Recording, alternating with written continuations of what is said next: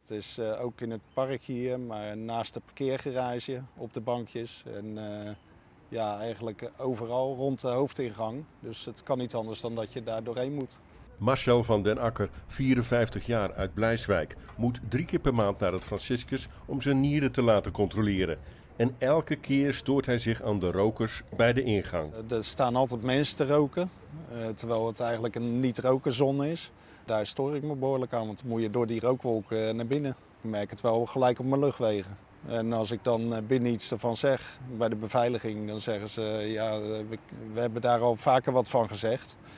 En eh, dan krijgen we een hele grote mond en lelijke woorden naar ons toe. En eh, het heeft geen zin, want daarna roken ze weer verder.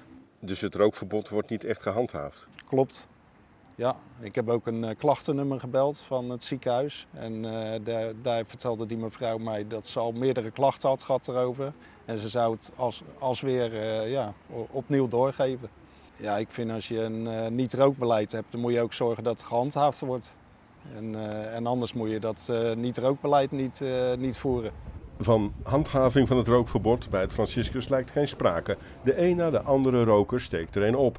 Een vader en een zoon zitten vlakbij de ingang in een geparkeerde auto te roken. Zijn zoon zit op de passagiersstoel met de deur open, want op de stoep staat zijn infuus op wieltjes. Ze weten allebei wel dat er een rookverbod is, maar, zegt de vader, ik zit in mijn auto en daar mag ik toch roken. Mijn zoon kan ook niet helemaal naar de straat lopen met dat ding. Ismaël is wel de toegangsweg afgelopen naar buiten het ziekenhuisterrein. Op het trottoir van de Kleiweg rookt hij een checkie.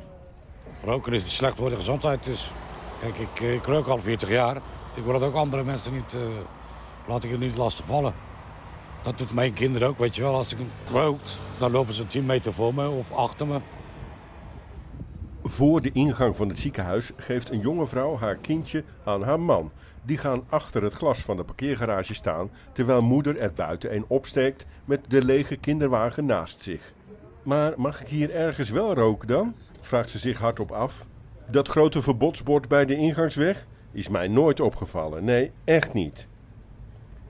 Ank is een kleine vrouw op leeftijd die vlak bij de ingang een plekje zoekt om te zitten en om te roken. Ik spreek haar aan. Er Eh, staan allemaal van die, van die borden met eh, sigaretten met een rode streep door. Die heb je toch ook gezien, mevrouw? Ja, tuurlijk. Ja. Ja. Toch roken. Waarom? ik had er in, in het begin geen erg in want met die mensen allemaal. Die zaten allemaal te roken, dus ik denk, oh, ik neem ook een sigaret. Maar het mag niet. Nee, Maar u doet het toch. ja, stom, hè? En waarom doe je het dan toch?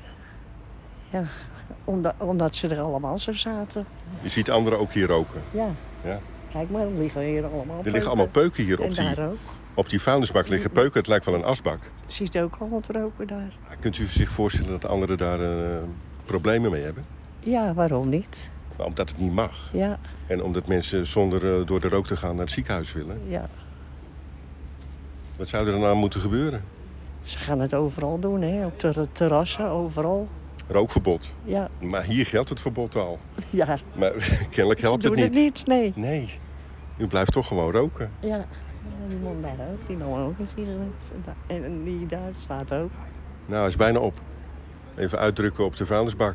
Maar de- ik kan het niet erin gooien, want er staat er dingen brand. Ja, er niet bij dat plastic. Ja. Ja, dan maar erbovenop. Het ziet er ook niet uit, hè, al die peuken. ja, dat vind ik ook raar. Oh, Ja. daar heb je hem. Ja. U gaat er vandoor. Bedankt, Ank. Sterkte ermee. Terug naar Marcel, die telkens langs de rokers moet lopen om in het Franciscus te komen. Omdat hij zag dat het rookverbod niet werd gehandhaafd, besloot hij zelf iets te doen. Ik heb zelf die mensen ook aangesproken en eh, ja, je krijgt flinke ruzie. Ja, je voelt je daar niet prettig bij. Hele lelijke woorden, die wil ik niet in mijn mond nemen. Het, het netste woord is dat je een asociaal bent. Dus ik moet rekening houden met hun en niet omgedraaid. Er worden ziektes toegewenst. Eén mevrouw zei ook van ik heb kanker en die zat dan te roken. Dus die vond dat ze dan eh, het recht had om te roken. Ik heb ze zelf ook eh, junks genoemd. Omdat je natuurlijk een verslaving hebt waar je, waar je niet zonder kan. Dat eh, liep helemaal uit de hand. Dat, dan heb je het helemaal gedaan. wat gebeurde er dan? Nou, dan kwamen ze zelfs op me af. Dus ik, eh, ik ben toen vertrokken.